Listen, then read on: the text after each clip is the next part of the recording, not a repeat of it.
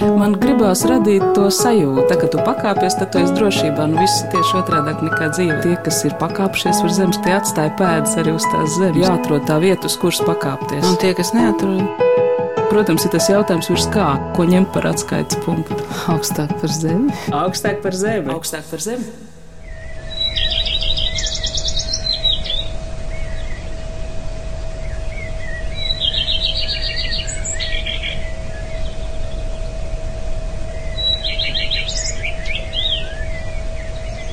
No kā jūs dariniet savu lieldienu sajūtu?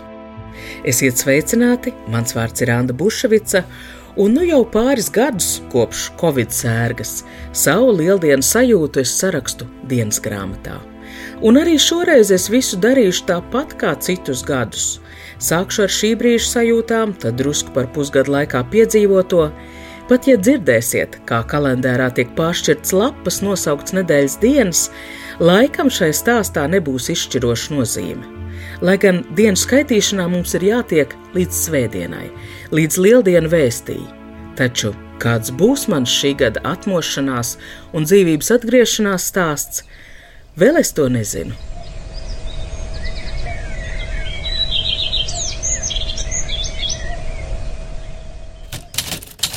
pirmdiena. Pakāpsimies atpakaļ pie jautājuma, no kā darināt lieldienas sajūtu, jo man ir pāris iespējamu atbildžu varianti. Personīgi man iedvesmo tekošs ūdens, visi tie plūdi, pāli, pēļķes, pat dubļi. Dzēnieks Imants Ziedonis, piemēram, kolekcionēja olas formas akmeņus. Viens prāvāks viņa dzinakmeņos murjāņos atbalsta darbistabas durvis. Lieldienu laikā svarīgi noticēt, ka katrā apaļā akmenī iekšā ir dzīvība. Viss apaļš un gludens, bet putns cak ar knābi pāršķeļ čaumalu. Un arī tas varētu būt atbildes variants. Pavasara sajūtu man atnes putni. Putni savukārt bija īpaši tēma Ojāram Vācietim. Latvijas putnu noteicēja viņš pats esot dēvējis par savu vissvarīgāko grāmatu un arī es putnu vērošanas pasākums vienmēr cenšos iekļaut kultūras ziņās. Šī gada putnu dienās bija iespēja aprunāties ar pūcēm ķemeru Nacionālajā parkā, iespēja pieredzēt, ko tik īstu manā ieskatā pārspēja dažu labu koncertu vai teātri izrādi. Un vispār, jūs zinājāt, ka pūces tumsā viegli spīd? Pūču fluorescence, tā tas saucās. Zinātnieki izpētījuši, kādu gaismas viļņu garums luminiscē pūču spalvas. Pētnieki pieņem, ka putnam tas noder medībās. Pūce it kā apžilbina medījumu ar sarkanajām spalvām, spārnos un vēderā. Druskas aizrausies un pēdējā pusgada laikā šādos iekritienos esmu sev pieķērus vairāk kārt. Es spēju aizrauties ar pūcēm, griezt riņķī Spotify, meklējot prātā ieskanējušos melodiju, veikt veselu izmeklēšanu, mēģinot noskaidrot kādu faktu sen aizmirstas personības biogrāfijā, Prāts sameklē šādas alternatīvās pasaules, informācijas tuneļus, jo tur viss notiekošais ir pašpietiekams, aizraujošs un arī skaists. Varbūt vajadzētu būt vēl drosmīgākai, atzīt, ka tas ir veids, kā aizbēgt. Jo nu jau vairākus gadus informatīvajā telpā ir tādas visiem obligātas tēmas kā pandēmija, kā karš, attiecībā pret kurām privātais vai vispār jebkas liekas maznozīmīgs. Aizvien mazāk gribas riņķot ziņu uzdoto domāšanas tematu ietvaros. Nu, bet kā? Par šīm sabiedrībai nozīmīgajām tēmām taču ir jādomā, ir jādiskutē. Speciālistiem noteikti. Bet tādā sociālo tīklu līmenī, kā man šķiet, tā jau sen vairs nav diskusija, tas ir pozīciju karš. Arī iepriekš tiem, kuri apzinīgi devās pēc savas vakcīnas, nekādi neizdevās izveidot dialogu ar tiem, kuri gluži vienkārši netic Covid sērgai. Es pazīstu labākos draugus, kur ceļi to laiku pašķīrās un attiecības joprojām nav atjaunojušās. Sabiedrība sašķēlās, un man šķiet, ka arī šobrīd aktuālajā kara jautājumā katrs uz ziņās redzētajiem kadriem reaģē atbilstoši pašu izvēlētajai līdzpārdzīvojuma pakāpei. Tā nav diskusija vai pārliecināšanas lieta. Un līdz ar to tas ir tikai normāls mans pašaizsardzības mehānisms, kas liek sadraudzēties ar pūcēm, iedziļināties spalvu fluorescencē. Pūces jo īpaši skaistas dara tas, ka cilvēku pasaulē vairs atgriezties nemaz negribās. Cilvēku pasaulē ir sācies karš, fiziski to varbūt nemana, bet tas notiek jau diezgan sen, kopš lockdowna. Visur tiek raktas viedokļu tranšējas.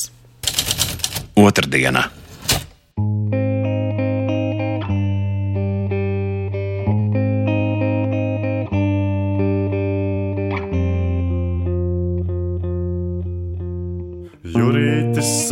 sēž pie galda un prāto, mazais jurītis pasauli kārto, tramīgi un dara to nekārtība, netīk tam pasaule nekārtīga. Ja varētu mežus viņš sakārtotu, noliktu pareizi katru koku un biklu prātu, bet drošu roku. Upēm krastus viņš iztaisnotu, sakārtot vajadzētu. Jurītim jūtas, citādāk puisītis, nelāgi jūtas.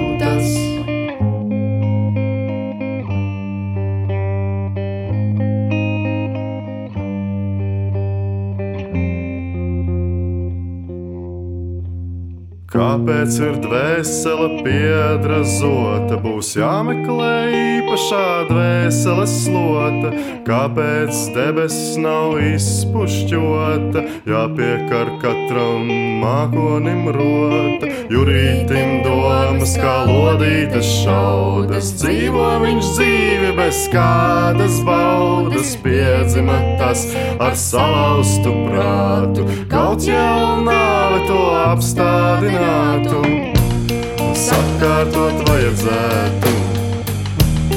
Jūtīm jūtas, citādāk puisītis, nelāgi jūtas, sakārtot vajadzētu.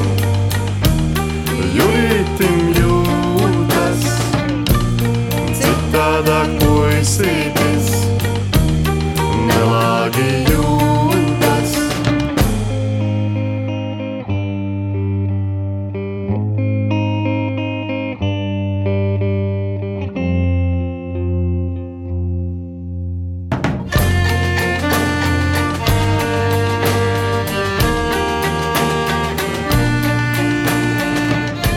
grupas bērnības milicija dziesmas skan arī Nacionālā teātra izrādē Ričards nekā personīga. Un tagad es mēģināšu jums pastāstīt, kāpēc man personīgi šī izrāde likās svarīga. Režisoram Elmāram Seņkavam vispār padodas teātrī runāt par šobrīd aktuālo, trāpīt laikmetam tieši pa nervu. Vairākās nesen tapušajās izrādēs režisors pievērsies nežēlības cēloņu sakarību izpētēji. Liepais teātris izrāda grimmi ir par neapzinātu, izzinošu nežēlību, tādu kāda tā ir grimu pasakās un bērnu rotaļās. Bērni rotaļājoties spēlē cūku bēres. Tu būsi miesnieks, tu būsi cūka, meitenes turēs bļodiņu, kur tecināt asins desām. Taču kurā brīdī doma par nogalināšanu izlaužas ārā no rotaļāšanās, no sadzīves vajadzību pasaules? Grimos tiek stāstīts pasakas, un vienā no pastāstiem meklējam izcilu un smalka atbilde. Bērns, kurš spēlē miesnieku, tiek saukts uz tiesu. Tiesas zālē viņam liek izvēlēties starp ābolu un zelta monētu. Zeltu taču nevar ēst, un puikie cērt zobu sābolā. Šis bērns ir pazīstams ar nežēlību, taču viņu vēl nevada smalka pasaules pazīšana, aprēķins un manipulācijas, kā tas ir Elmāra Seņkova Valmieras teātrī iestudētajos nelabajos. Šīs izrādes pamatā ir Dostojevska romāns Vēlni, un tas ir stāsts par jaunu, izglītotu cilvēku plānotu, sabiedrības uzlabošanas cildeno ideālu apvītu, asiņainu teroraktu. Ko no tā mums būs mācīties par cilvēku iedabu? Jo cilvēks izglītotāks, jo uz labāk plānotu, izsmalcinātāku nežēlību viņš ir spējīgs.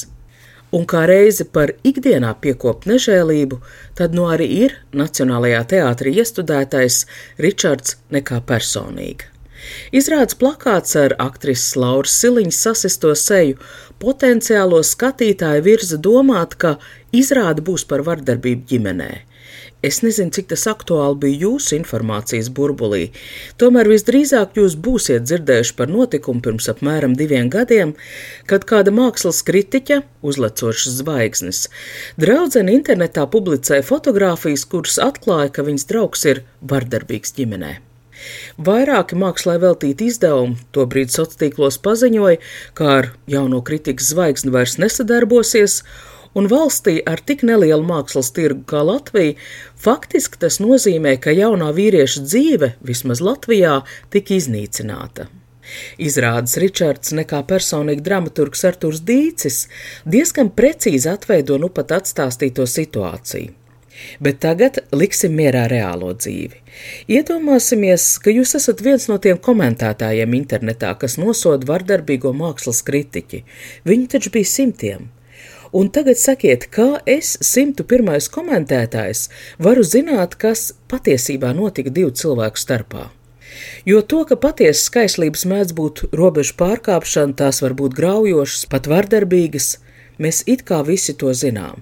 Kāds no klasiskajām operām, kāds no dzējas vai paša pieredzes, taču šim notikumam ir arī otra puse, un tas ir sabiedrības viedoklis. Patiesībā sakot, tā ir vesela industrija. Sabiedrības interešu vārdā šādus reālus notikumus speciālistiem komentēt, lūdzu padomu raidījumu, raksti mēdījos, un zem šiem rakstiem un raidījumiem ir komentāri. To autore varētu būt arī es. Un kā tas sanāk? Es nepazīstu šos cilvēkus, es nezinu, kas tur notika, bet es pielieku roku viņu iznīcināšanā. Un varbūt tad sanāk, ka tas patiesais ļaunums ir nevis vardarbīgs ģimenes strīds, kas varbūt notika, varbūt arī nenotika. Šausminošu spriedumu, bez pārsūdzības, apžēlošanas iespējas, ar dabas stihijas jaudu un kaismu spriež internetu komentāru autori un no visiem Elmāra Seņkova izrādēs izpētītajiem nežēlības veidiem šis man liekas visšausminošākais, jo visikdienišķākais. Ceturtdiena. Man ir brīnišķīga friziera. Viņas pirmā izglītība ir ikonu gleznotāja. Ikonas tagad reti kam vajag, tāpēc ikdienā viņa ar šķērēm un ķēmi izvilina tēls no frizētaus klientiem.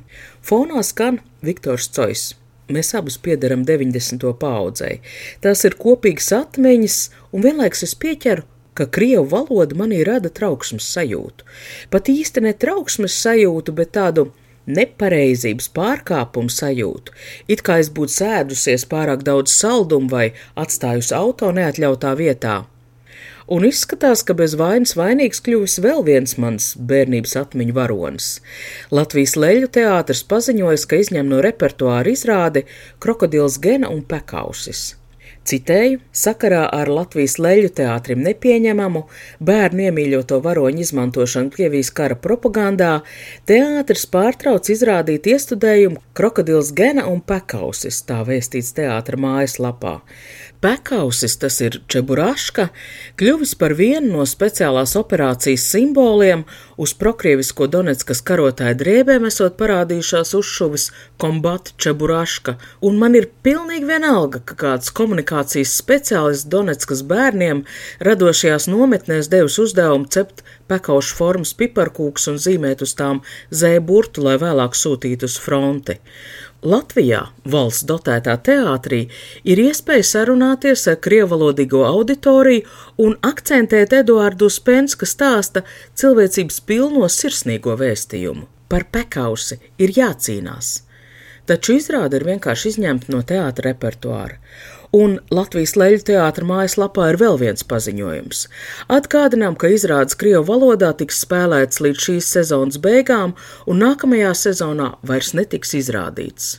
Leļu teātris jau nav vienīgais. Sekojot kādai kopējai tendencei, arī Latvijas Nacionālā simfoniskā orķestra koncertu cikls Lenesons, domāts bērniem no 5 līdz 10 gadu vecumam, nākamajā sezonā vairs nebūs pieejams Krievu valodā. Saprotams, ka es atbalstu, ka arī krievalodīgajiem bērniem Latvijā turpmāk jāprot valsts valoda un bērnu izrādes jāskatās latviski, bet runa tomēr ir par bērniem pirmsskolas vecumā.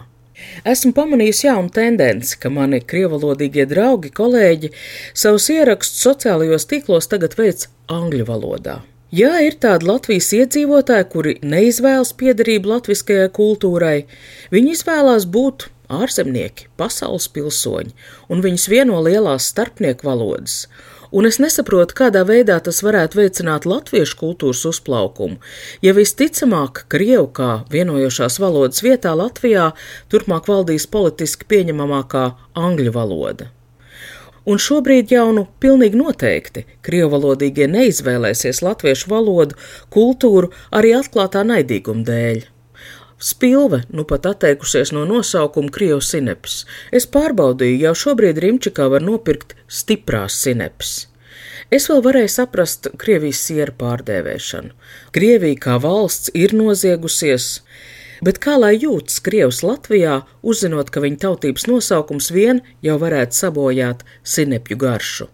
Un zinot reālo situāciju, vismaz Rīgā, es paredzu, ka radīsies alternatīvu pasākumu bērniem Krievu valodā ar nekontrolējumu saturu, gaumi, un tas sabiedrību tikai vēl vairāk sadalīs burbuļos. Pieredzējusi muzejniece, Raņu un Aspazīs muzeja pētniece Astrīda Cīrule. Nu, piesieties var visam kam, bet ir tā lielā starpība. Nu, mums gribas tos autorus nu, pielīdzināt, viņi ir tādi paši kā mēs. Nu, jā, nu, viņi ir cilvēki tāpat kā mēs, tikai to lielo atšķirību, ka viņi ir uzrakstījuši tos darbus, bet mēs nē. Un ar to viņi tomēr paliek vēsturē, jo tā ir tā starpība. Citādi jau viss ir tieši tāpat dzīvi cilvēki.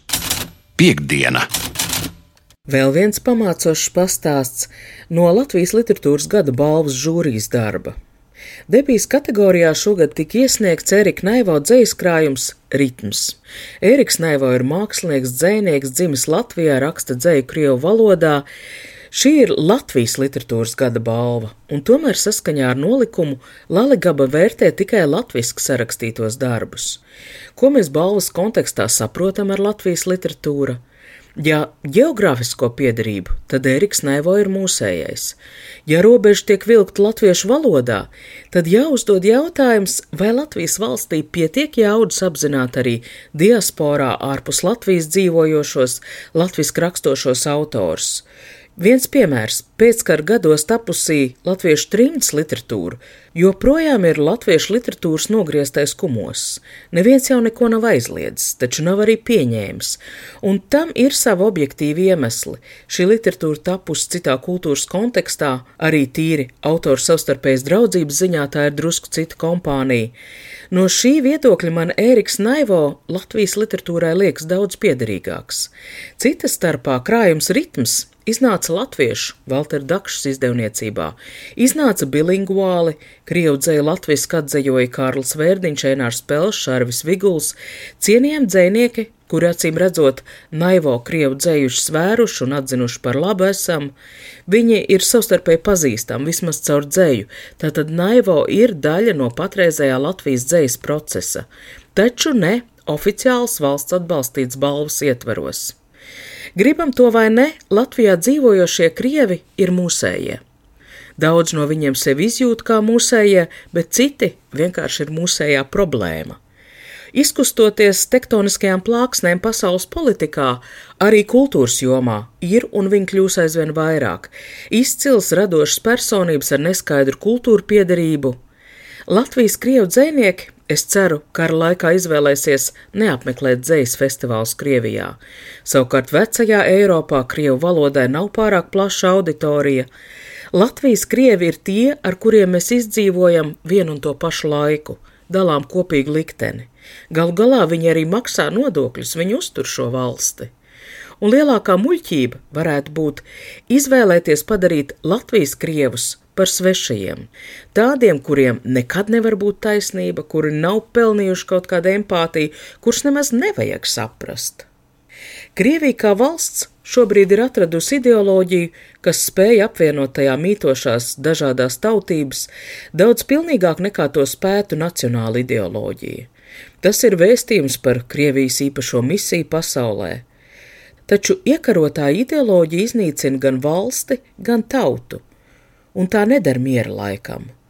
un es ticu, ka tieši Krievu kultūrā būs meklējami iedīgļi tās atjaunotnē pēc kara beigām. Citāts no Latvijas radio raidījuma krustpunktā - Lidija Doroņina Lasmane. Es lūdzu Dievu par Krieviju, lai Krievi vienreiz redzētu arī īstu brīvību, lai viņi atzimtu kā Krievi. Nevis kā padarītu krievalodīgas visas apkārtējās tautas un domāt, ka viņi ir krievi. Viņi, viņi nav tik liela tauta. Lai viņi pulcētos savā Krievijā kā krievi un izjustu, ka viņi ir dieva radīta tauta kā krievi. Patiesība ir dzīva. Kristus ir ļaunumu uzvarējis, Kristus ir augšām cēlies. Un viņš ir ļaunumu uzvarējis, un Putins nomirs ar ļaunumu, ko viņš pašlaik dara. Tā tam vienkārši jābūt ir patiesībā. Jo es ticu patiesībai, es ticu Dievam, es ticu Kristum, es ticu Ukraiņas uzvarai un visam labajam. Sestdiena. Strīdos ap Ogres muzeju un pašvaldības vadītāju man pārsteidz, ka daudzi Helmanu uzskata par baigo veci. Jūrmāla jau otro reizi likvidē kultūras iestādi. Iepriekš tas bija zaļās atmodas muzejs, tagad Buldura bibliotēka, un ēkas izmanto saviem mērķiem vai nodot privatizācijai. Brēcoši precedenti, kuros pašvaldības iedzīvotāji ir pauduši savu attieksmi, taču reāli neko nevar izdarīt un šādos brīžos demokrātija izskatās vāja. Demokrātija trausla, bet ne vāja. Tad jau tikpat labi varētu teikt, ka dārznieka darbs ir maznozīmīgs vai vājš, blakus lielajiem vēstures pavērsieniem, bet mēs taču zinām, ka dārznieka skolotāja ārsta darbs ir vissvarīgākais pasaulē. Izcils maigā apvērsuma piemērs ir Kristīnas Briedas filmā Svārstības. Tā ir filma par sievietēm mācītājām, kuras nav spēkus veltījušas, lai pārliecinātu vai asi konfliktētu ar Latvijas evaņģēlisku luterisko baznīcu par neskaidri pamatoto sieviešu ordinācijas aizliegumu, mierīgi, bet noteikti. Nezaudējot garīdzniekam būtiskās morālās īpašības, šīs sievietes ir atradušas veidu, kā strādāt savā profesijā un ar savu darba kaismi un izcelību ir pratušas pārliecināt draudzes, ka sieviete pat ļoti var būt mācītāja. Viena no filmas svārstības varonēm - teoloģijas doktore, Latvijas Universitātes teoloģijas fakultātes dekāne un arī praktizējoša mācītāja Dace Balode. Laiki notiek, tā var teikt. Laiki ir kaut kāds tāds likumsakrības vai kā sabiedrība darbojās un kā tiešām notikumi attīstās.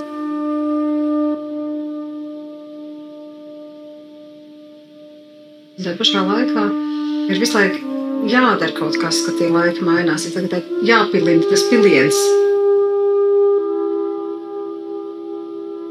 Ir tas šķērslis, tad notiek tā pilināšana, pilināšana, pilināšana. Un tikai tad, kad mēs esam sapilnājuši tik daudz, ka var tikt pāri, tad aiziet tālāk tas solis. Svētdiena!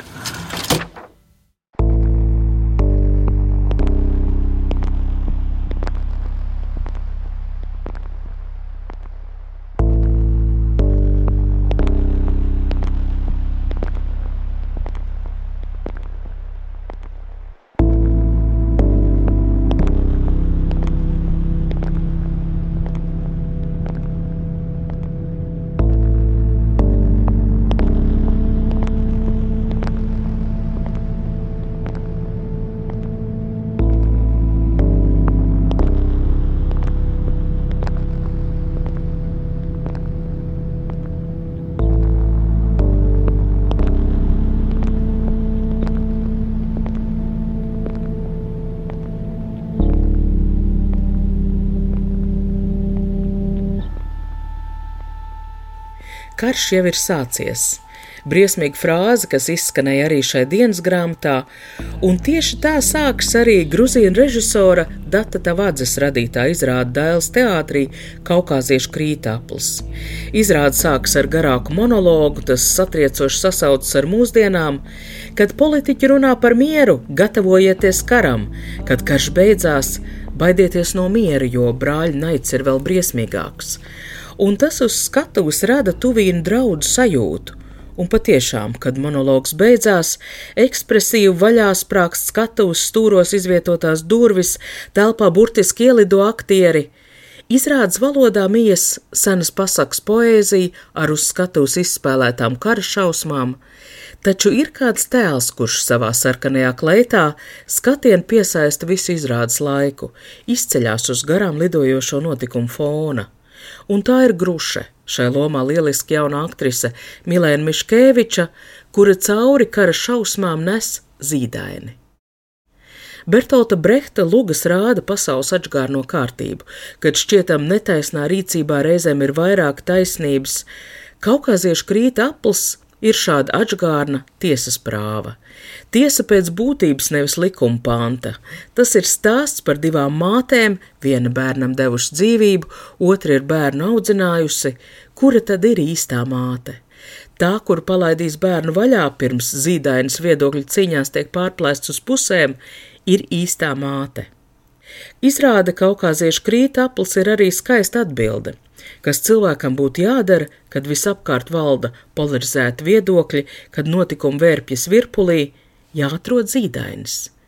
Vai arī jebkas cits, par kā vērtību esat pārliecināts, un tad neatlaidīgi, stipri jāiet cauri laikmeta turbulencei. Jo tikai iestājoties par ko lielāku, var izglābties arī pats, un savā ziņā šī atziņa sasaucas arī ar lieldienu vēstījumu. Gaišs jums svētkus, no jums atvedās šī raidījuma veidotāji. Ar jums sarunājās Anna Bušvica par šī raidījuma skaņu gādāja valdes raitums, un vēl palūkojieties, cik skaists ir ārā bērs.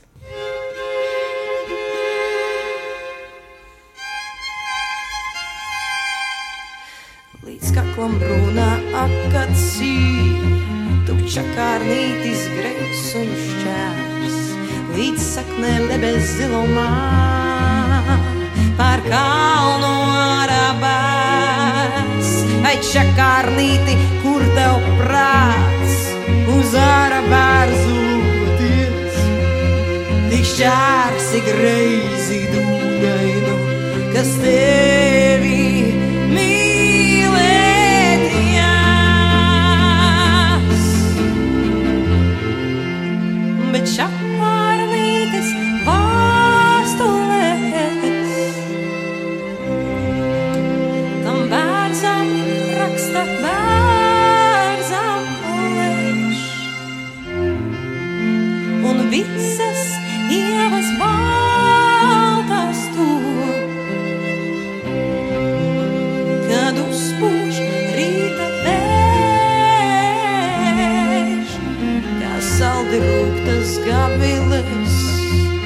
no čakārnīša pilnās krūts, bet kalnu ielu smarža kādi un savu laimi sūdz. Un kas par to, ka akacī, un kas par to, ka greis un šķērs, tik sīli smulgo debesis, tik skaisti